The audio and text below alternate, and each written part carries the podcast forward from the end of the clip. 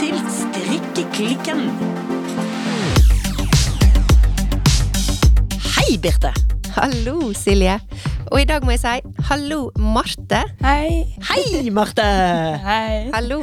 For i dag så har vi en gjest her i eh, strikkehytta. Jepsi pepsi. Vi har eh, gått fra å være to til å bli tre. Yes. Ja. Jeg fikk til og med kongeplassen. Ja. Og det er alltid eh, veldig gøy. Men jeg tror vi skal rett og slett starte med at du, Marte, skal få lov å fortelle litt om deg sjøl. Rett og slett, hvorfor er du her i dag? Hvorfor har vi deg som gjest? Det lurer jo jeg òg på. Nei, Nei eh, jeg heter Marte. Jeg er 25 år fra Fana i Bergen. ja. Eh, Jeg er egentlig utdannet syke... Eller egentlig, jeg er jo sykepleier. Mm. Og har eh, siste årene da drevet aktivt med strikking. Ja. Akkurat nå tar jeg en bachelor i HR og personalledelse. HR, det er sånn Human, Human Resource. Ja. Oh. Ja.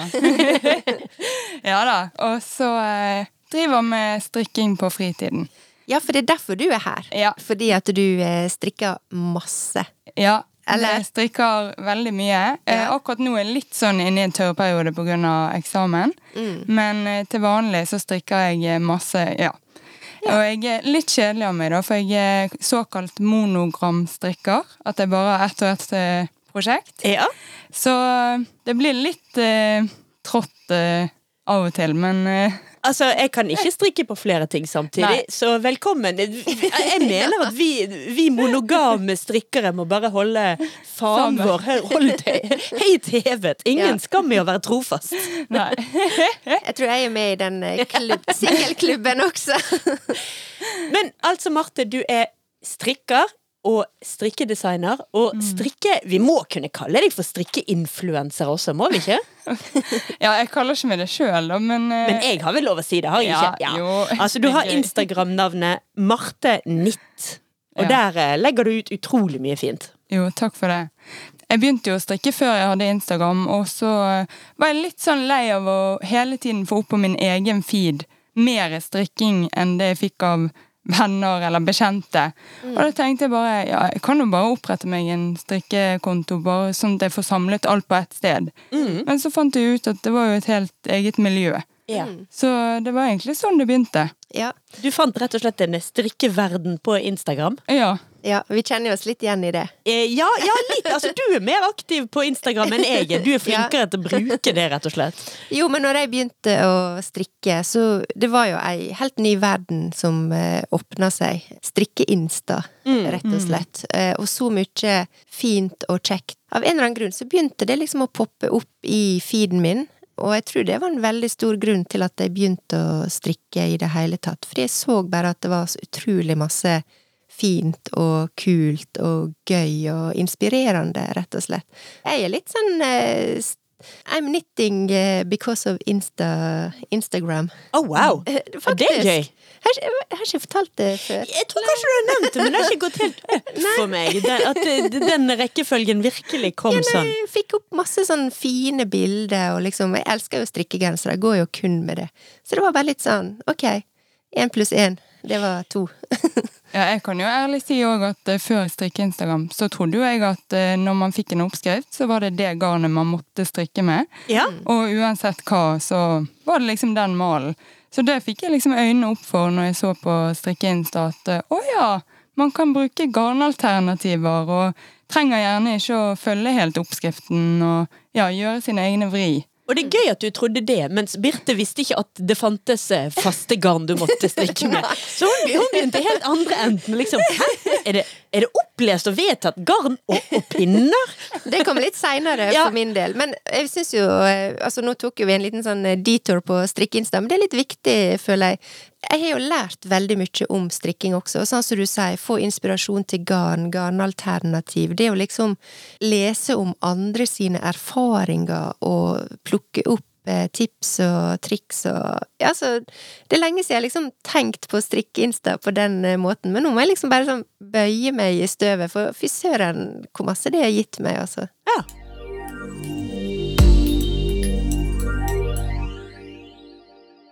Men sjøl om vi er så heldige at vi har eh, besøk i studio i dag av selveste Marte Nitt, eller altså hele navnet er jo Marte Solheim Hopland, så må vi holde oss litt til eh, opplest og vedtatt oppskrift Ja. for eh, strikkeklikken. Vi må jo holde oss til oppskrifta. Vi må jo det. Og da sier jo oppskriften at vi på dette tidspunktet her omtrent skal si noe sånt som Marte, hva strikker du på i dag? Da blir jo jeg veldig kjedelig tilbake og si det er litt hemmelighetsfullt. Oh, sant? det var jo ikke det spøtt! eh, Det er ikke kjedelig, det var kjempespennende. Og du kaller ikke deg influenser? Ja, det er jo det verste jeg hører når folk sier nei, jeg kan ikke fortelle helt ennå hva det er. Jeg har et kjempespennende prosjekt på gang, men jeg kan ikke snakke om det ennå. Nei. Men eh, ja, jeg strikker på et nytt design for eh, Skappel. Ja. Ja.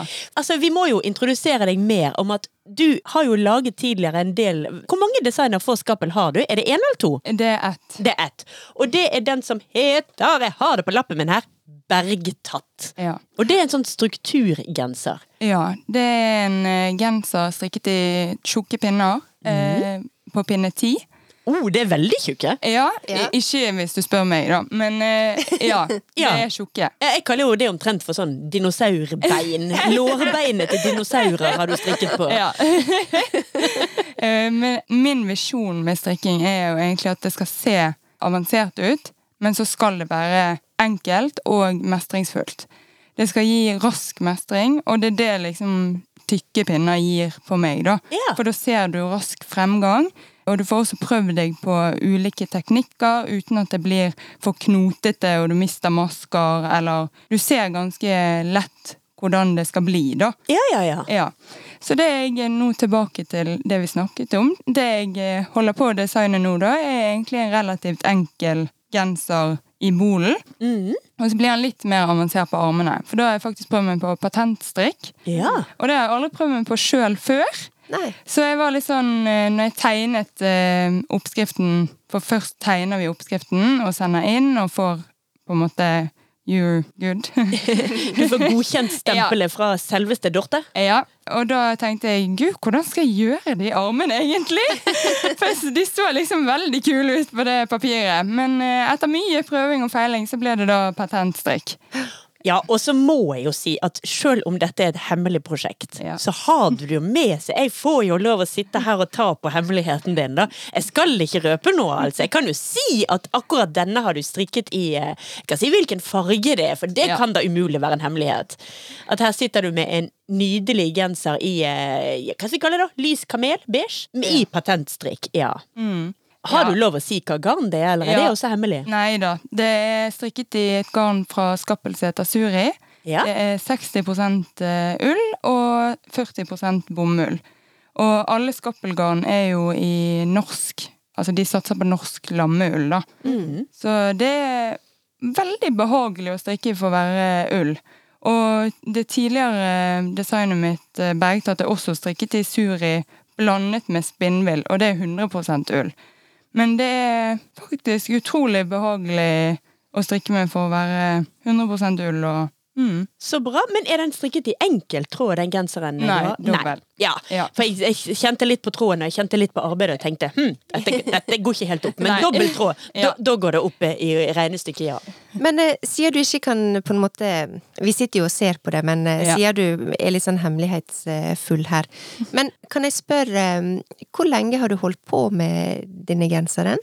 Den begynte jeg vel på i eh, hva var det da? Slutten av mars, tror jeg det var. Og så ble det litt drøyt nå. Nå har det gått litt lang tid pga. eksamensperiode og sånt. Men eh, jeg har frist på meg da innen eh, neste uke på da å ta bilder og skrive ferdig oppskriften. Ja, for hvor, hvor lang tid bruker du på på en måte designe og lage oppskrift, og hva, hvordan er den prosessen? Jeg er jo egentlig sånn som liker å gjøre ting veldig raskt. Så jeg er jo litt sånn, hvis jeg får en idé, så vil jeg helst bli ferdig med den imens jeg har ideen i hodet. Eh, og det fungerer jo ikke i strikkeverden. For eh, der må du jo faktisk strikke det du tenker, og så bommer du, og så må du rekke opp 118 ganger og bli sur på alle rundt deg, og så ja. Men eh, jeg bruker vel ganske mye tid på å planlegge først. Og så er det litt nytt for meg at jeg må tegne det for å få godkjenning av andre. For tidligere, før jeg var under skappel og bare lagde design for meg sjøl, så brukte jeg egentlig ikke noe mal. Jeg strikket bare det jeg hadde lyst på. Ja. Og så um, tok jeg det deretter.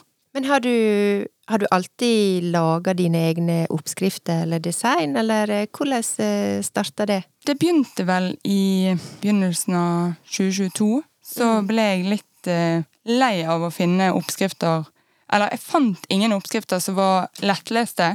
Jeg syntes at alle oppskriftene var veldig mange sider på. Eh, og jeg var litt eh, ute etter å finne en enkel genser som var nybegynnervennlig, som kunne passe til alt. Men jeg lurer på om den genseren du beskriver nå, en litt sånn enkel og nybegynnervennlig genser som passer til alt. Eh, Det høres ut som du beskriver den som heter Solheim-genseren. Ja, det Ja. stemmer. For den designet du i 2022, stemmer Ja. det? Ja. Altså der har du jo, På din egen Instagram så ligger jo det ute ganske mange av den, for du har ikke strikket den én gang. Nei, den eh, begynner vel å bli et par titalls eh, av. Du har strikket deg noen titalls av den samme genseren, men i en helt vanvittig mengde med forskjellige farger. Ja. Jeg er jo ekstremt glad i farger. Ja.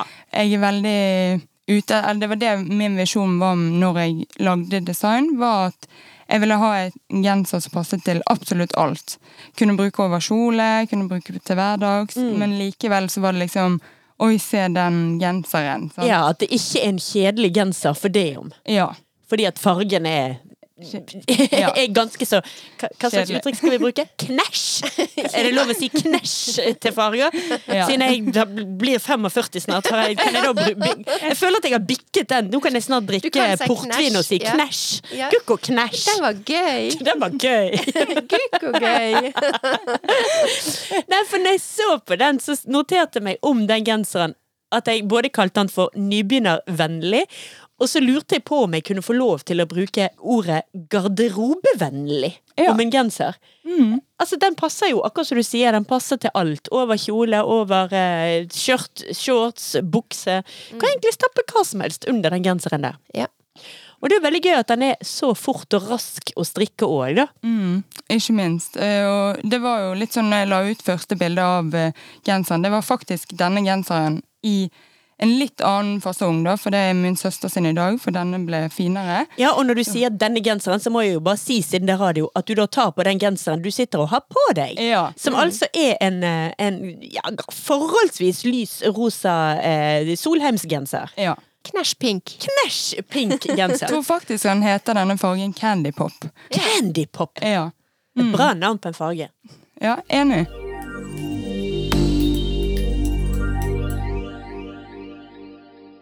Det var veldig eh, kjekt eh, å høre, Marte, alt du har å fortelle. Og vi skal komme tilbake igjen eh, til det. Jeg kjenner jeg har mange Jeg sitter på mange spørsmål her. Men vi må jo fullføre strikkerunda vår, Silje. Selv om det ikke er så veldig spennende med meg og deg akkurat i dag, da. Men Silje? Snakk for deg sjøl, jeg er kjempespennende. Ja.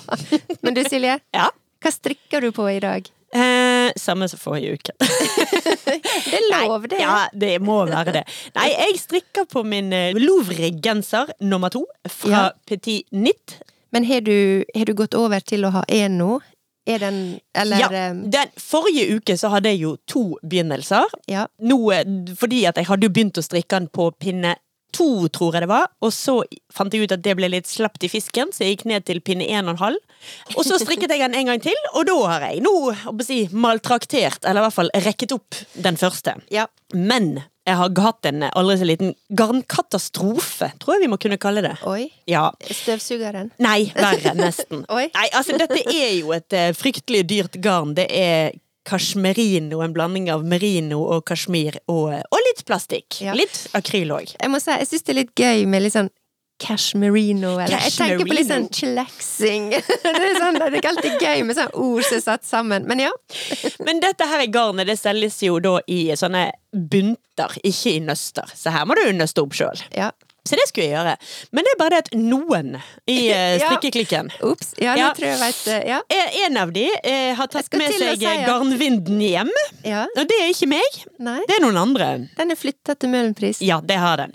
Så da tenkte jeg ja ja, men det må gå vel bra. Herregud, man har da Man bor jo Armer ikke og bein og alt mulig. Til og med samboer. Så hva gjorde jeg? Jeg ba min samboer om å hjelpe meg å hespe opp dette nøstet. Så han fikk beskjed om å holde armene ut mens jeg skulle nøste. Ja. Ja. Tror du det gikk bra, da? Gikk ikke bra i det hele tatt. Det ble altså århundrets floke.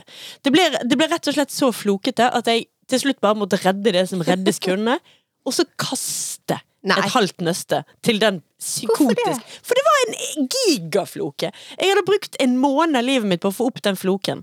Altså, det hørtes litt ut som du skulle til å si det ble århundrets krangel. Men det Nei da, det ble det, århundrets eh, floke. floke. Ja, altså det var ikke det var, Jeg vet ikke engang om jeg skal kalle det en floke, eller om jeg skal bare kalle det at det var et dødt dyr.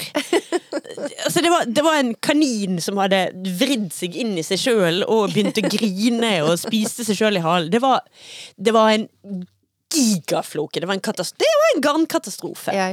Det gikk i bosset. Ja. Ja.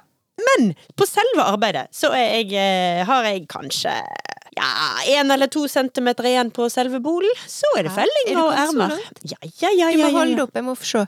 Skal vi se, her skal vi holde det opp. Den, oh ja, ser, den ut den ser ganske mye mindre ut enn den er, men nå har jeg jo strikket denne før, og vet hvor veldig mye større den blir når den Ja. dampes.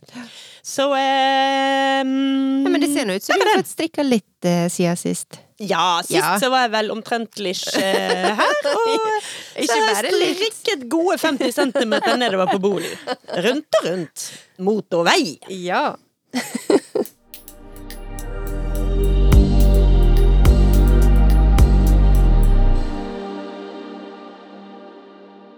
Men Birte, Ja. nå må du svare fort her, for vi vil tilbake til å høre om Marte. ja. Men likevel.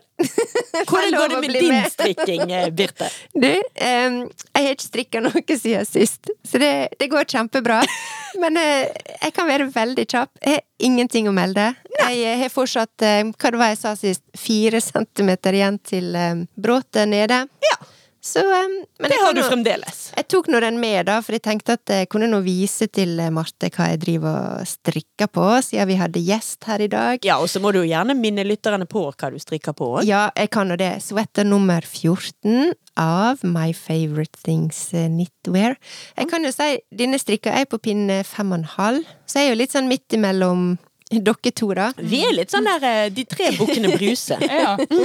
Så Jeg er ja, den største, da. Du er den største bukken, Birte er den mellomste, og jeg er den bakerste. Eller den fremste. Det er vel kanskje den, Den fremste. For den fremste som kommer sist, eh, først, ja. Tripp, tripp, tripp, tripp. ja. Nei, så jeg fabla jo sist om at eh, jeg skulle sette meg ut og strikke, og at eh, det er så deilig å sette seg på en benk på Møhlenpris.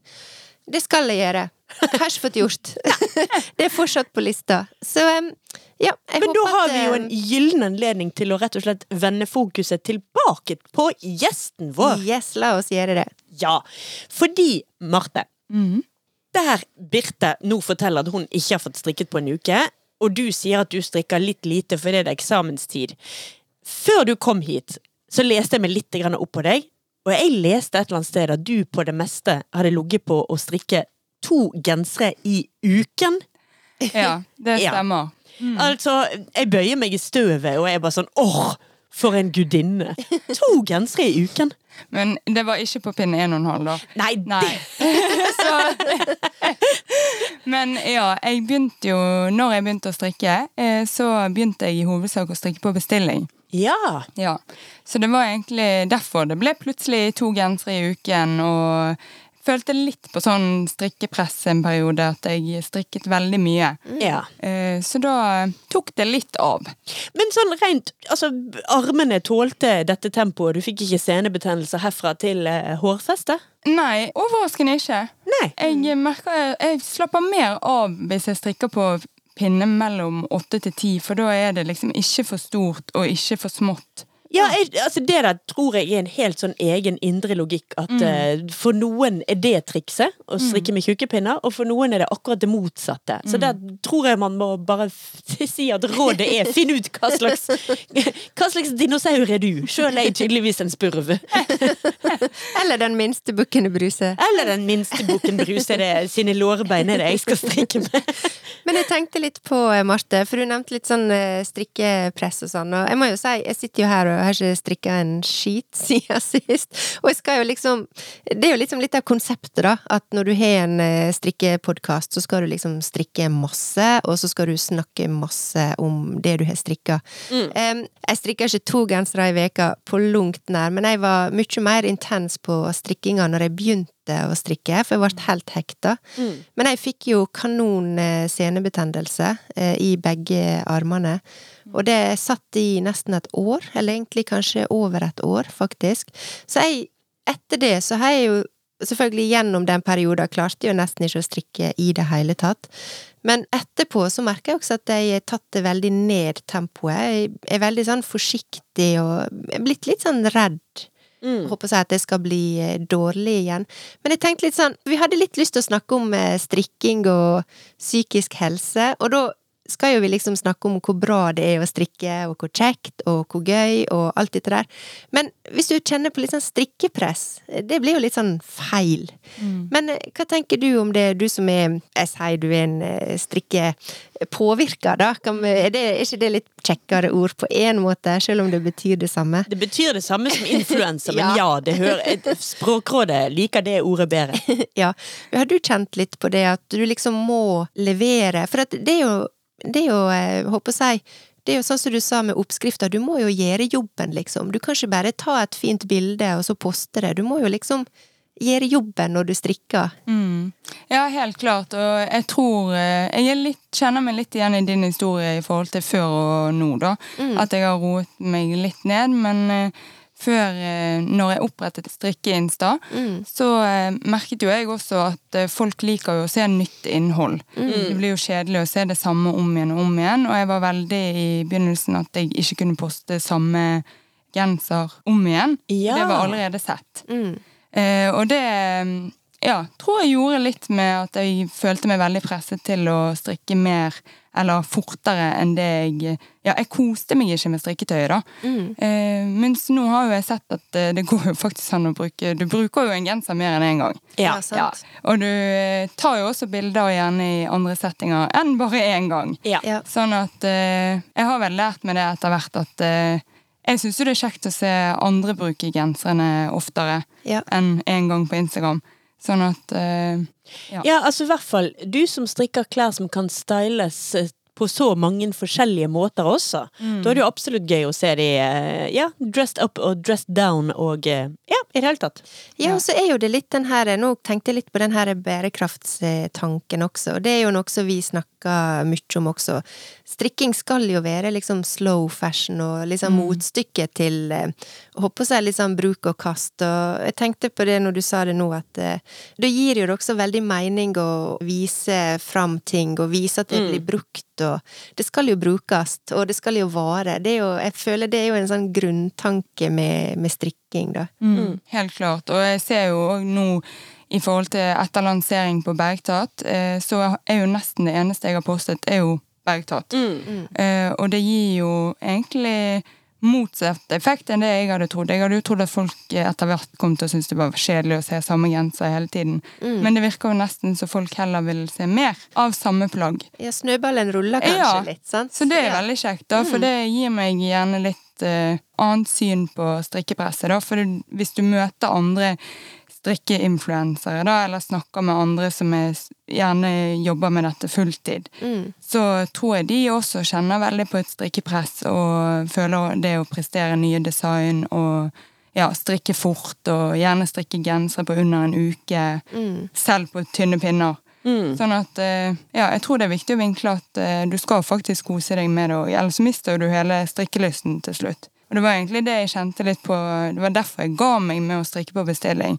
For jeg rett og slett ikke koste meg i det hele tatt. Og da ble jeg litt sånn, strikking skal jo være kjekt. Mm. Ja.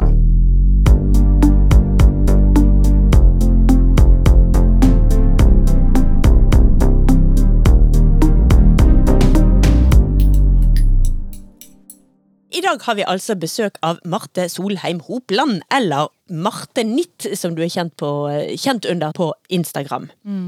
Men jeg lurte på, du har jo for meg sånn litt annerledes vei inn i strikking. Det begynte jo eh, egentlig med, med en skade hos deg, gjorde ikke det det? Jo, jeg har alltid kunnet strikke helt siden barndommen, men jeg har aldri syntes eh, at det har vært eh, noe jeg har lyst til å drive med. da. Nei. Aldri hatt tålmodighet til det, eller tid for den del. Men eh, ja, i 2020 så fikk jeg påvist eh, prolapser og skiveødeleggelser i hele korsryggen. Så da gikk jeg rett og slett fra å være sykepleier til pasient sjøl. Ja. Eh, og etter én mislykket operasjon og lang opptrening, der til slutt ble jeg jo fratatt både jobb og trening og egentlig alt det som hadde brukt opp min tid før, da. Så var jeg, husker vi var på vei til hytten, meg og min samboer, og jeg satt og grein for jeg ikke Jeg sa 'jeg har ingen hobby', og ble litt sånn 'hva skal jeg gjøre?' Og så tenkte jeg sånn 'ja, jeg kan jo prøve å strikke', da. Så da Ja, det var egentlig sånn det begynte. ja. Fordi at eh, kroppen ville ikke tillate at du kunne, at du kunne gjøre alt annet. Ja, og så kjente jeg veldig et savn etter mestringsfølelse eh, i forhold til at jeg ikke kunne jobbe mer. Ja. Jeg kunne ikke trene. Jeg kunne nesten ikke gå tur med hunden min. Eh, på det verste så kunne jeg faktisk ikke gå på butikken uten at jeg eh, kastet opp og lå i sengen resten av ja, egentlig døgnet. Å, kjære vene. Ja. Var det bare noe som skjedde plutselig, eller hadde du hatt ryggsmerter i mange år? Eller? Jeg, jeg har alltid hatt vondt i ryggen, men jeg har alltid tenkt at det har vært sånn Ja, ja, dette har nå alle. Ja. Altså, det, ja, Du har jo ingen erfaring med noen andre sin kropp, så du har vel tenkt at Ja. sånn føles det å ha en Ja, kropp. men plutselig sa det jo pang, og det var jo selvfølgelig midt i pandemien i tillegg. Ja, Ja. for sikkerhets skyld, ja. Ja. Men i 2021 så fikk jeg da um, proteser i hele korsryggen. Oi! Ja.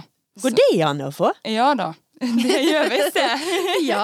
Ja, så Jeg visste det gikk an å få protesebein og sånn, men jeg var faktisk ikke klar over at det gikk an å få proteserygg. Nei. Eh, Det, da var skivene mine som byttet ut med proteser, da. Og så har de stivet av eh, nederste leddet, sånn at eh, jeg på en måte ikke skal ha eh, prolapser mer. Er det lov å spørre om du piper når du går gjennom sånn Nei, flyplass? Nei, det trodde jeg òg. Ja. Men det gjør jeg faktisk ikke. Nei, ok, du er ikke så bionic woman, altså. Nei. Men Det er du piper kan- det. Men du piper kanskje likevel fordi du har strikkepinner i Ja. Det blir i hvert fall alltid tatt ut i denne kontrollen.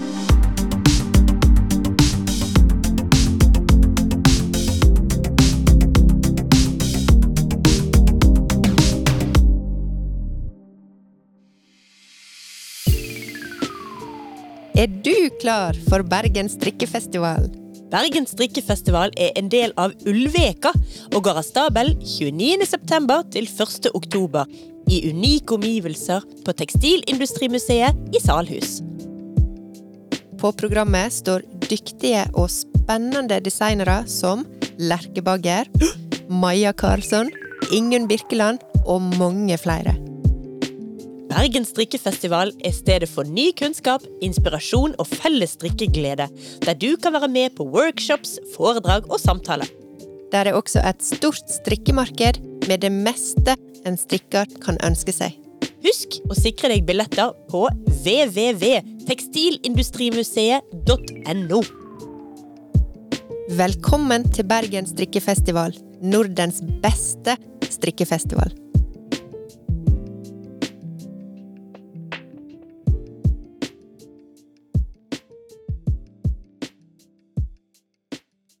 Da, altså, når du da ikke kunne jobbe som sykepleier, og heller ikke trene, så ble det strikking. Mm. Og da er jo det naturlige spørsmålet å spørre hva gjorde det for psyken din? Ja. Da begynte jo jeg på eh, tjukke pinner, da, for da hadde jeg lært fra tidligere at eh, hvis jeg begynte for gangen før når jeg skulle strikke, i 20... Hva var det da? 2018, tror jeg.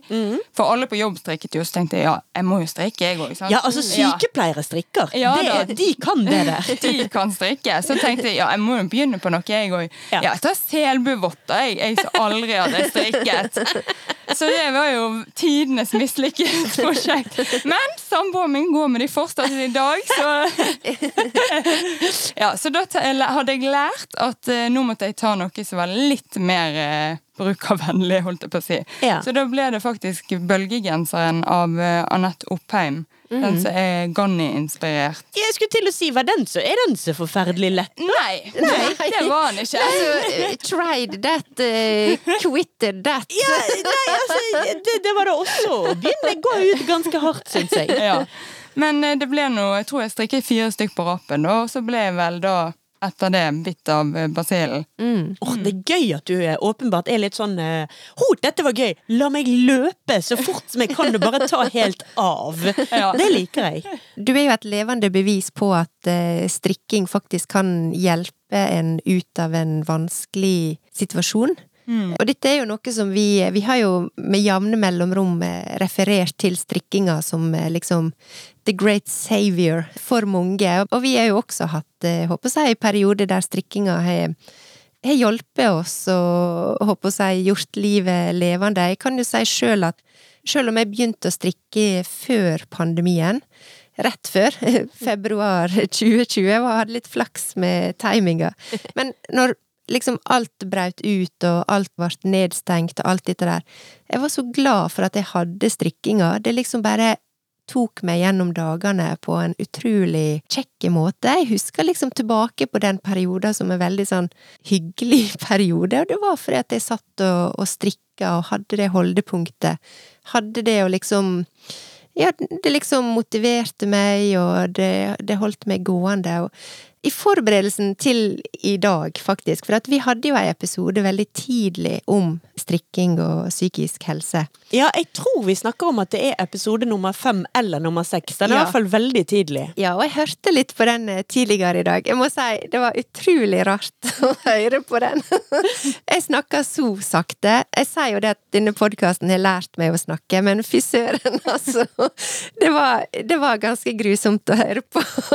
Men der snakker jo vi litt om eh, Vi refererte jo til en del forskning, og du sier det med mestringsfølelse, og det er jo veldig sånn klassisk oppbyggende med, med strikking, at du lærer, du, du klarer, du, du, kjenner på den mestringsfølelsen. Men én ting som vi refererte til også i den episoden, det var en undersøkelse som viste at 87 eh, Dette var gjort eh, på folk med håper jeg, psykiske problem eller depresjon.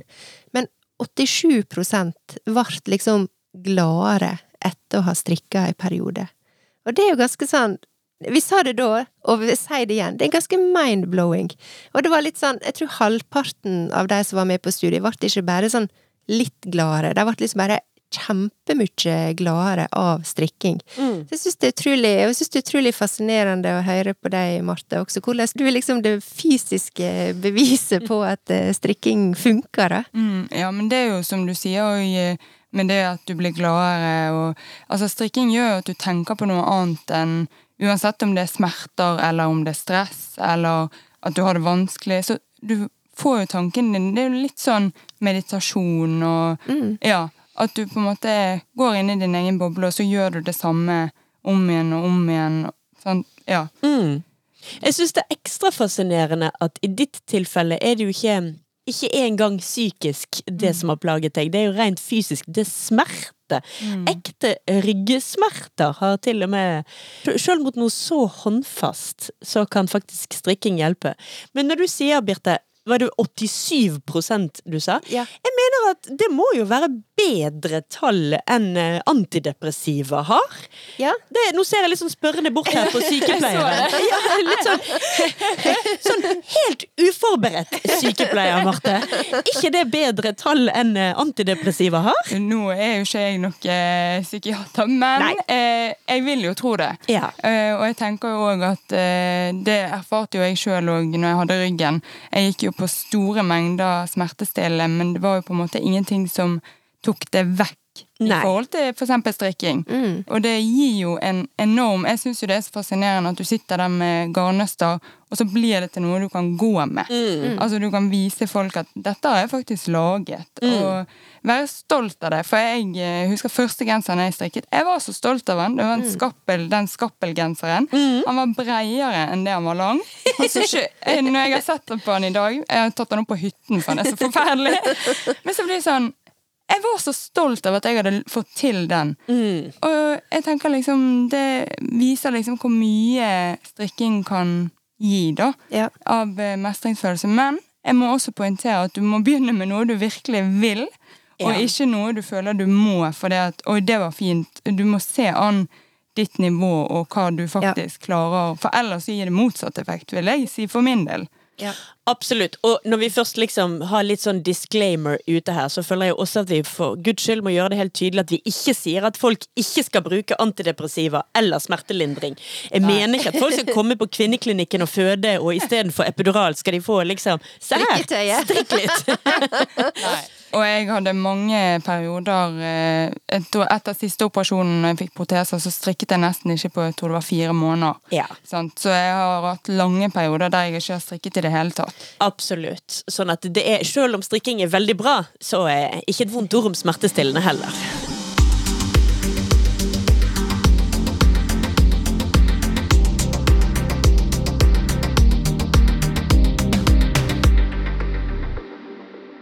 Nei, for det var det noe som jeg hadde jeg tenkte på. For det, jeg kjenner jo også andre som eh, Og da snakker ikke vi om depresjon eller eh, jeg håper si mental eh, Mental uhelse? mental uhelse, men du hadde jo smerte, men du klarte likevel periodevis å strikke, da, selv om du hadde store smerter.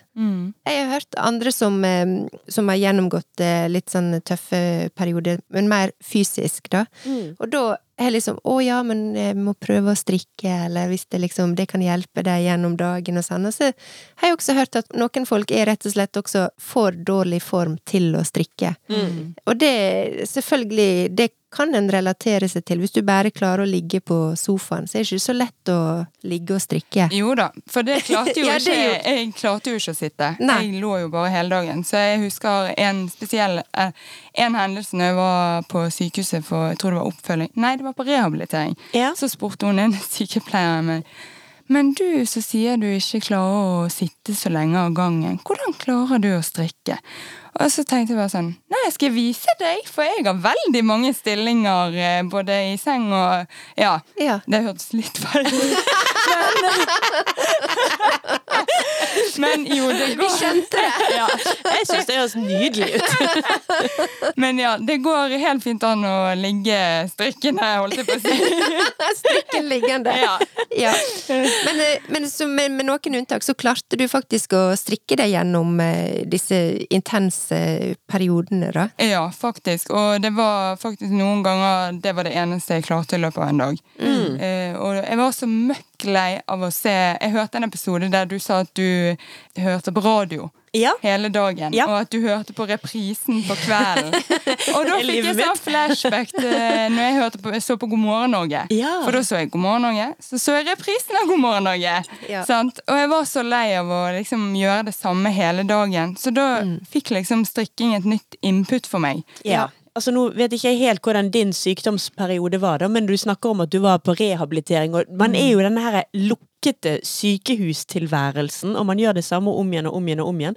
I hvert fall for min del, da har det vært veldig fint i sånne perioder og så kunne se at tiden går ut ifra strikkearbeidet. Ja, Så nei, det er faktisk en helt annen uke, for jeg holder på med et annet genser. Altså, Nå strikker jo ikke jeg i ditt tempo, altså. For du, som vi allerede har definert, du strikker jo med dinosaurbein. Men da, når du var så dårlig, så strikket du vel ikke så raskt, regner jeg med? Eller? Um, periodevis. Altså, noen ganger fikk jeg skikkelig sånn Jeg sov jo ekstremt lite. Ja. Sånn at uh, det var på en måte Jeg vil si strikking var min ja, meditasjon og Ja. min avkobling. avkobling. For av og til var jeg så dårlig at jeg ikke klarte å se på telefonen engang. Så da lå jeg liksom og telte på det forrige hvis jeg hadde strikket én bølgegenser. For jeg ble jo ekspert på de bølgegenserne. Så lå jeg liksom og målte bølgegenser mot bølgegenser. For det, eh, det ga meg på en måte indikasjon på hvor langt jeg var kommet. da. Men så smart å strikke det samme om igjen og om igjen i en sånn periode. Sånn at du slipper å liksom ligge der og bryne deg på en fullstendig uleselig eh, oppskrift full av disse her groteske, de der sammentrekte ordene. Ja. Strikk to rm-sm, sm, sm, eh, stjerne, stjerne, rptr. Og jeg tror det var derfor jeg begynte å designe sjøl òg. For jeg var så lei av å på en måte hele tiden tolke. Og så fikk jeg veldig mange henvendelser om bølgegenserne på Instagram. Det var mange nybegynnere. De forsto ikke kvekk av hva alle Det gjaldt jo ikke bare bølgegenseren, men de skjønte jo ikke alle disse forkortelsene. Nei. Selv om det er jo bare et Google-søk, men du tenker gjerne ikke over det når du er inne i den strikkeboblen, eller Nei, og de oppskriftene er jo Altså, du skal kunne lese de for å lese de, mange Ja. av de. Ja. Og ikke minst eh, diagrammer. Altså, Ja, ja, ja. Jeg hadde jo ikke peiling på hvor jeg skulle begynne på et diagram. Om det var opp eller ned eller høyre eller venstre. Nei, og der må jeg bare skyte inn en morsom historie med at uh, søsteren min har strikket uh, flere Marius-gensere, og det var ikke før hun skulle strikke seg selvbuvotter. Vi skjønte at hun har strikket feil vei i alle år på diagrammer. Så hun har egentlig strikket alt feil vei, men det har gått helt fint fordi at det var gensere. Ja. Men hun har rett og slett ja, strikket tilbakelengs. ja.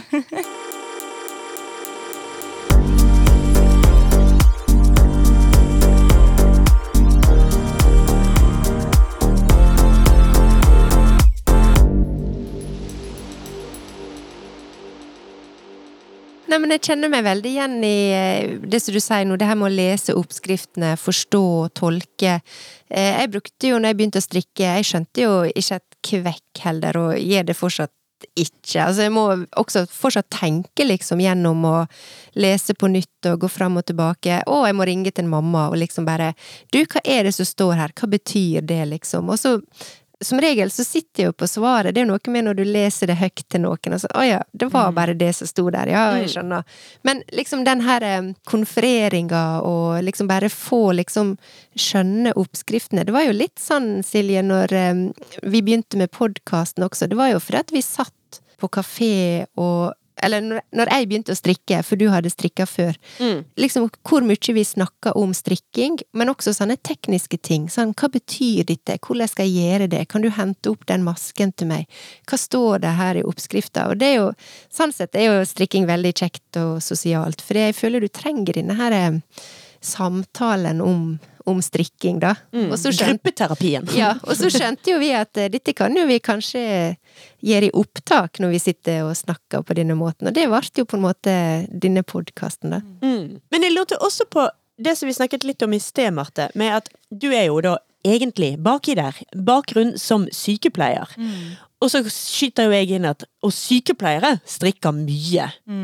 For det gjør de jo, det, det er ikke bare noe jeg finner på, vel? Nei, det er helt sant. Ja. Ja. Men hva tror du det kommer av? Tror du at det er fordi pasientene begynte å strikke, og så ble sykepleierne smittet? Eller har det gått andre veien? Kanskje begge deler. Jeg vet ikke. Uh, ja, Altså, strikking i seg sjøl er jo fryktelig smittsomt. det er helt klart. Og et godt eksempel på det er når jeg begynte å strikke. Da måtte jo jeg også ringe til mamma x antall ganger. Som vi alle måtte. Ja, Og hun strikket eh, når vi var små, men så har ikke strikket siden. Men hun tok jo også opp eh, strikkepinnene. Har du Ja. smittet henne tilbake igjen? Ja, så vi har liksom fått Det er blitt vår greie, da, strikking. Så det er alltid hun jeg må konferere med. Hun, hun er med på alle prosesser. Sånn som den, det designet jeg har med i, i dag. Ja, det hemmelige prosjektet Ja, som hemmelige vi pro- er så heldige Ja. at vi har fått sniktitte på. Ja. tok jeg, eh, når jeg var nesten ferdig med det, tok det på meg, og tenkte jeg ok, hva type hals skal jeg ha? Syns du den eller den? Så jeg må liksom alltid ha en person å konferere med, og det er blitt mamma. Hun er liksom min strikkementor, da. Å, så fint! Ja. Men hun er litt for glad i tjukke pinner, så hun er enda mer eh, på sjokkepinne. Men i alle dager, Hun er jo gigantisk dinosaur. Jeg må lure på hvor tjukke pinner fins det, liksom.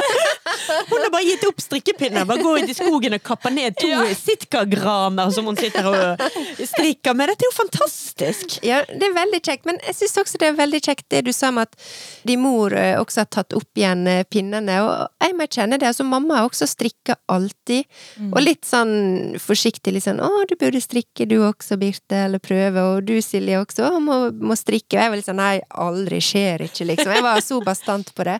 Og så var det disse Instagram-bildene og alt dette der, så plutselig så jeg at strikking var jeg vet ikke, det var kanskje noe annet enn jeg hadde forestilt meg, eller jeg ble i hvert fall bare utrolig inspirert av det som jeg så der. Ja da. vi knakk deg til slutt. ja, men jeg kjenner meg litt igjen i, for det, nå, strikking er også blitt noe for meg og, og mamma, som er blitt en sånn ekstra ting som vi deler, og det er utrolig kjekt og koselig.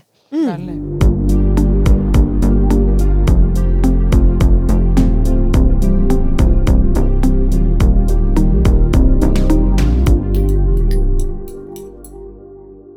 Jeg hadde litt lyst å hoppe litt tilbake igjen til eh, deg som eh, strikkedesigner, og det at du lager oppskrifter.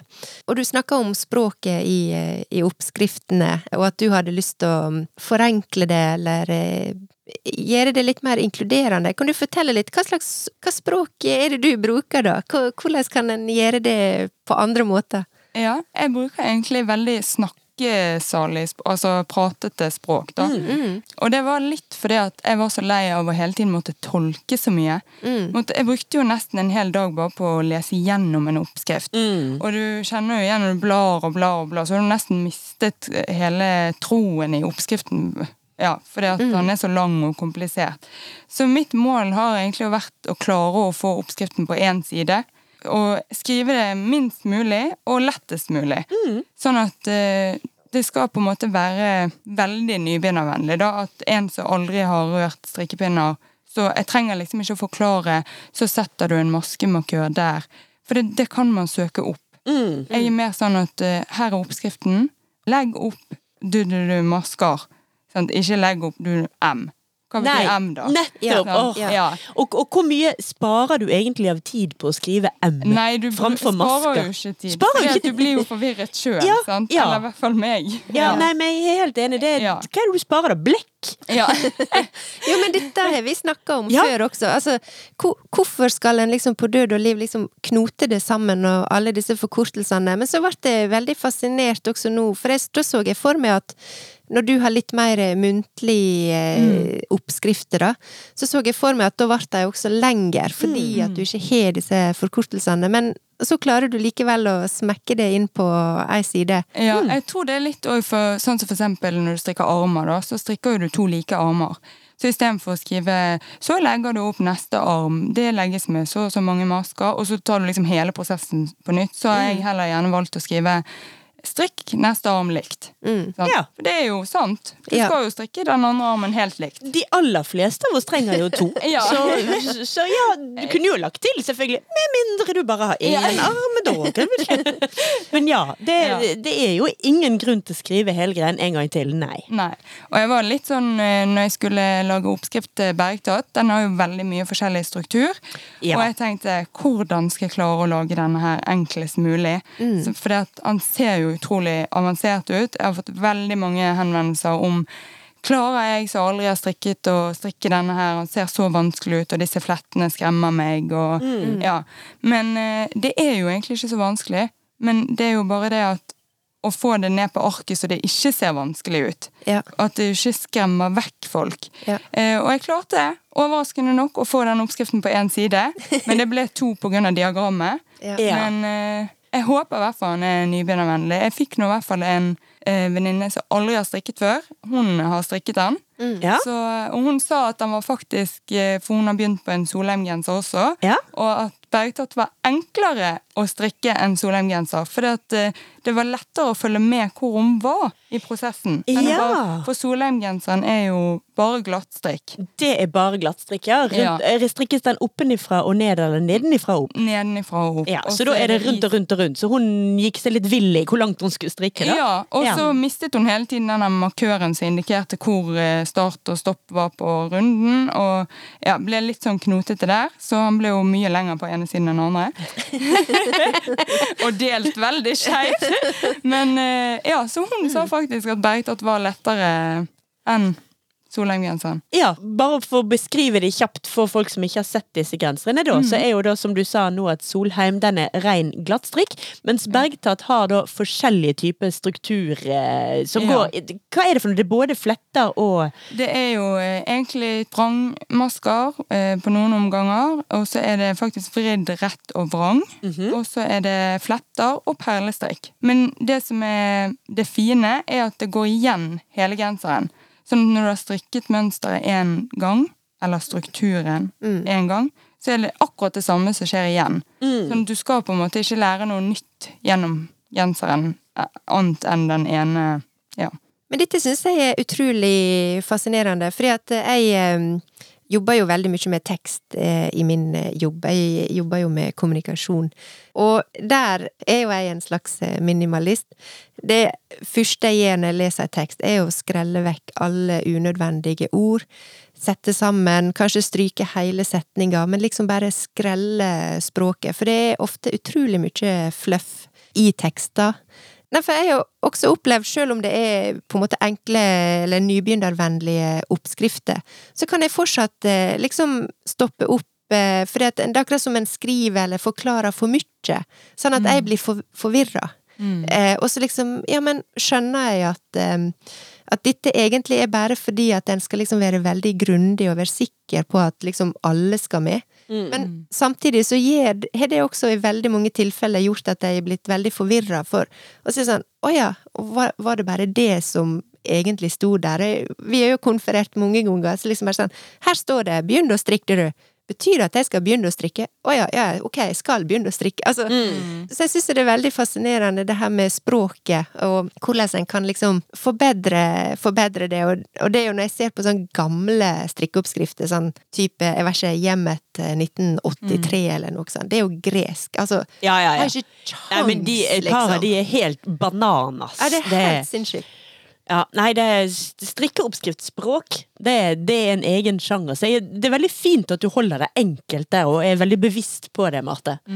Ja, og til vanlig er jo jeg ikke sånn minimalist i det hele tatt, for min munn går i ett sett, og jeg sier jo mer enn det jeg trenger å si for å forklare et poeng, men det er der mamma har hjulpet meg mye i disse strikkeoppskriftene, da, på en måte si det ut at ja, men det trenger ikke du ta med, og vi forholder oss bare enkelt. Det er veldig greit å ha en, ja, så du kan diskutere det sammen med. Ja, men jeg, dette er veldig bra. Jeg føler dette er litt sånn eh, nybrottsarbeid. Så utrolig spennende og fascinerende. Jeg må bare skyte inn når det gjelder sånn strikkeoppskrifter. Så er det få ting som gjør at jeg føler meg så snytt som hvis det er et eller annet man må sitte og telle på, og du må telle og telle og telle, og telle, og til slutt, når du liksom har telt deg til det, så viser det seg at du har strikket frem og tilbake til en maskemarkør som du til slutt kom til likevel.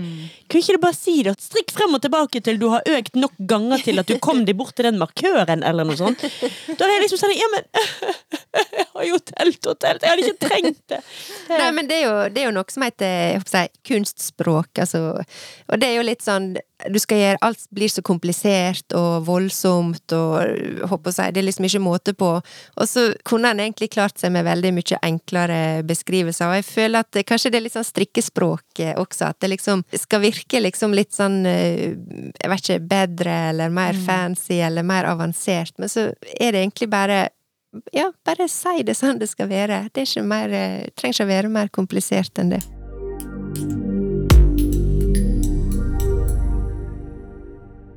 Men nå har vi snakket og snakket og snakket og snakket. Ja. Så nå må vi ta en kjapp liten oppsummering her, for å ta det klassiske spørsmålet jeg liker å ta på slutten, nemlig hva har vi lært i dag? For i dag har vi jo besøk av Marte Solheim Hopland, eller Marte Nitt, som du er kjent som på Instagram.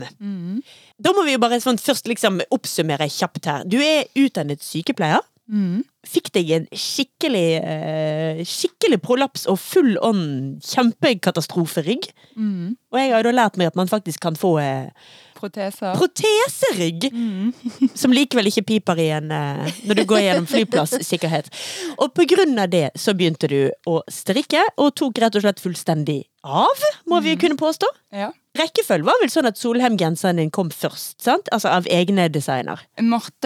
Martejakken kommer aller først, men det er Solheim-genseren som har på en måte trumfet igjennom. eh, Ja. Det er den som har liksom nådd ut til de store masser, og det er den, eh, den som finnes på sjøl den nytteste ø, nøkne ø. Der sitter folk med en, med, med en solheimsgenser.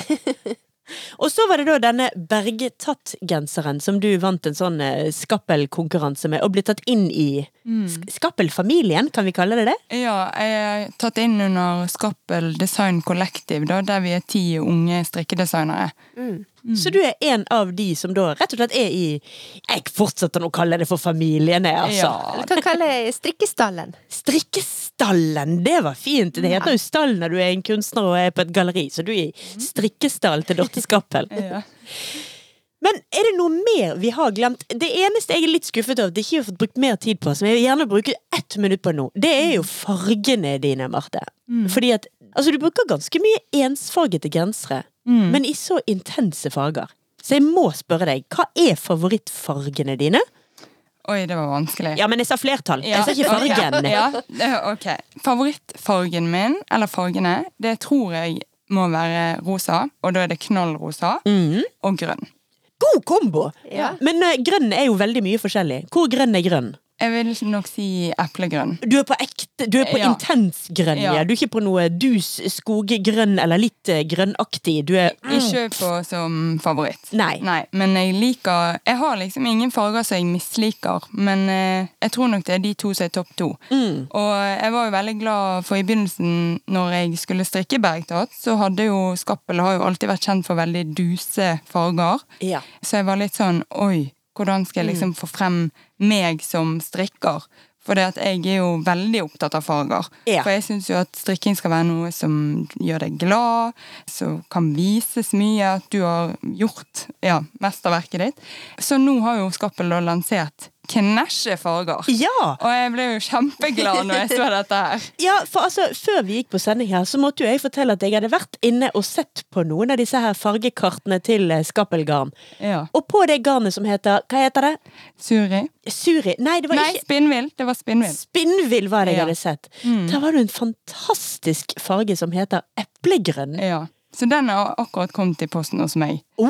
Ja, så den skal jeg faktisk strikke en bergtatt av. Og så er det òg en annen rosa enn den Jeg har med meg en rosa i studio. Den heter mørkrosa, men jeg har en hjemme som er rosa. Den er mer lignende denne Candypop jeg har på meg i Solheim-genseren. Ja. Så de to er liksom tror jeg må være favorittene nå. Ja. Men da må vi jo egentlig bare avslutte med å si at vi anbefaler at folk går inn og så tar en titt på fargekartet til eh, Skappel også, altså. For det som du sa liksom litt her, at tidligere har de hatt litt eh, Er det lov å si litt kjedelige farger? Ja. Men at der er det kommet mye mer omf og eh, knæsj og mm. Knæsj og krasj Ja. i det siste. Og det syns i hvert fall jeg er veldig gøy. Ja, eh, jeg liker nå disse kjedelige eh, fargene, men jeg syns det var jo en utrolig Den Candypop som du sitter i, er jo utrolig fin, og ja, den popper jo virkelig og kler deg eh, veldig godt. Jeg tenker når du også sier liksom knallrosa og eplegrønn, så tenker jeg jo liksom Barbie-core også, at det da er jo veldig i det landskapet, og det er jo litt gøy. Det er veldig gøy.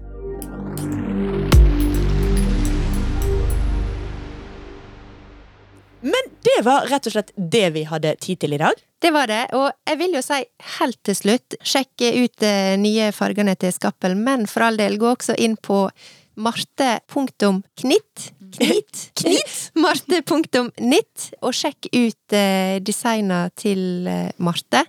Solheim og Bergtat, og eh, bli kjent med Marte gjennom eh, det universet. Ja, og så må jeg bare skyte inn at når du sa marte.knitt, altså nitt, så er det, var det på Instagram, Det var- altså? Du ja. glemte den lille detaljen at Altså, det, det, var på fins bare Instagram eh, for meg. Ikke prøv å gjøre det samme på LinkedIn eller noe sånt, liksom. Kom deg inn på Instagram. Uh, ikke, jeg vil aldri anbefale LinkedIn, for å si det sånn. Blink.no. Da må jeg bare si, Marte, tusen hjertelig takk for at du ville komme hit i dag. Tusen takk for at jeg fikk lov til å komme. Ja. Det var veldig kjekt å ha deg i studio, og veldig kjekt å få se det hemmelige arbeidet ditt, som vi er de eneste som har fått sett hittil. Ja, og kan jeg få lov å bare skyte inn når skal du lansere dette hemmelige prosjektet, eller er det også hemmelig? Nei, det er ikke før til høsten, og det er Nei. det jeg syns er litt sånn Det tar så lang tid, jeg har lyst til å vise det nå! Sant? Men eh, da kommer det altså nytt eh, spennende design eh, fra Marte i samarbeid med Skappel til høsten. Og vi har vært så heldige å fått en eh, preview på det, og jeg vil bare si at eh, det er bare å glede seg. Det er det. Da gjenstår det rett og slett for oss bare å si vi høres igjen om to uker. Ha det på badet! Ha det bra! Ha det!